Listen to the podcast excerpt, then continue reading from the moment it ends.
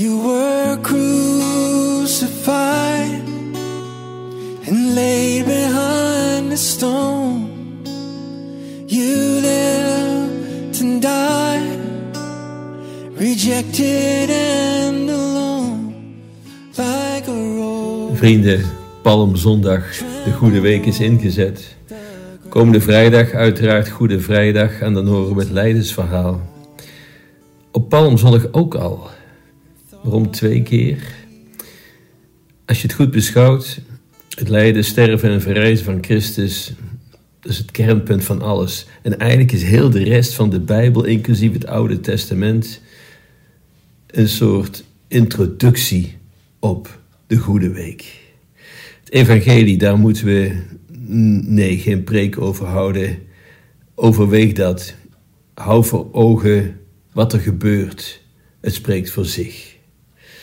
Wel een woordje over de eerste lezing op deze Palmzondag. En daar komen de profeet Jezaja tegen. Wat zegt hij? Onder andere dit. Mijn rug bood ik aan wie mij sloegen, mijn wangen aan wie mij de baard uitdrukte. Mijn gezicht heb ik niet afgewend van wie mij smaadde en bespuwde. Deze profetie heeft overduidelijk betrekking op het lijden van Christus. Duidelijk, maar toch zit er ook iets verborgen in, iets wat we makkelijk over het hoofd zien. Jezus' publieke vernedering, de smaad, de bespuwing, die is niet wat het lijkt te zijn en wat degenen die hem vernederden bedoeld hadden met hun vernederend handelen.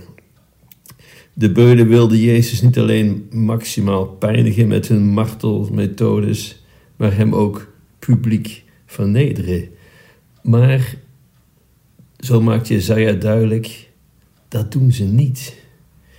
Jezaja ziet in een profetisch visioen het lijden van Christus en zegt dan, God de Heer zal mij helpen, daarom zal ik niet beschaamd staan. Let op het woordje daarom. Daarom zal ik niet beschaamd staan. Als je de kant van God staat, als je Gods wil doet, is dat nooit beschamend, maar begenadigd. Soms komt genade in de vorm van vreugde, andere keer komt het in de vorm van lijden. Lijden, nee, dat is geen vernedering. Martelaarschap is geen vernedering. Gehaat worden door slechte mensen, nee, dat is geen vernedering. Gehaat worden door goede mensen, ja, dat is vernedering, dat is schande. Net zoals populair zijn bij slechte mensen. Oud, gerimpeld, aan het bed gekluisterd, kanker onder de leden hebben, dementie. Dat is geen mensonterend, dat is geen mensonwaardig leven. Dit is mensonwaardig, dat is de term die de nazi's gebruikten voor mensen met fysieke of psychische handicaps. En dat was voor hen gerechtvaardigde reden om hen te doden. Vergelijking met nazi's is altijd precair, ik weet het. En toch, wij doen vaak hetzelfde, maar dan beleefd, zorgvuldig, in ziekenhuizen, door mannen en vrouwen in witte jassen die universitaire opleidingen genoten hebben, niet in gaskamers en concentratiekampen. We noemen het barmhartige dood of euthanasie. IJsland bijvoorbeeld is er trots op dat daar niemand met het syndroom van Down rondloopt. Die hebben ze allemaal voortijdig in de moederschoot gedood. In het Westen worden 90% van alle baby's met Down-syndroom geaborteerd. De gedachte achter al deze barmhartige woorden, zo wordt het genoemd. Ja, wat is dat? Aan het begin van het eind van het leven, wat is de gedachte hierachter? Is dat leven dat met lijden gepaard gaat, smadelijk zou zijn, mensonterend, mensonwaardig. Als dat waar was, dan was het leven van Jezus mensonterend. Dan was Jezus een dwaas. Het komt allemaal neer op deze simpele vraag. Zijn de moderne maatschappelijke opvattingen de standaard om God te oordelen of is God de standaard om de maatschappij te oordelen? Zeg het zelf maar. De moderne maatschappij, wat is dat? Wat is daar standaard? Gender, woke, abortus, euthanasie, voltooid leven. En het wordt allemaal iets moois gebracht. Maar het is duivels. above all powers, above all kings, above all nature and all created things,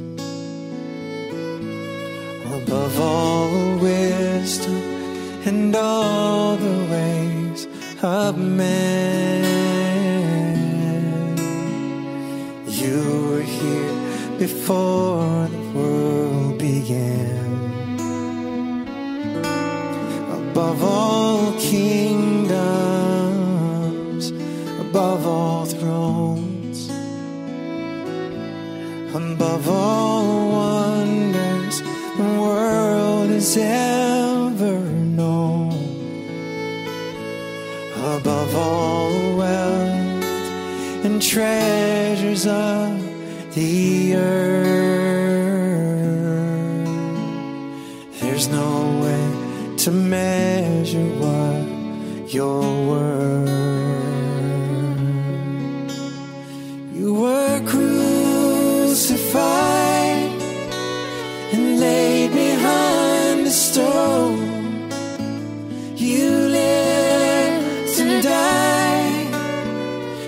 Rejected and alone, like a rose trampled on the ground. You took the fall and thought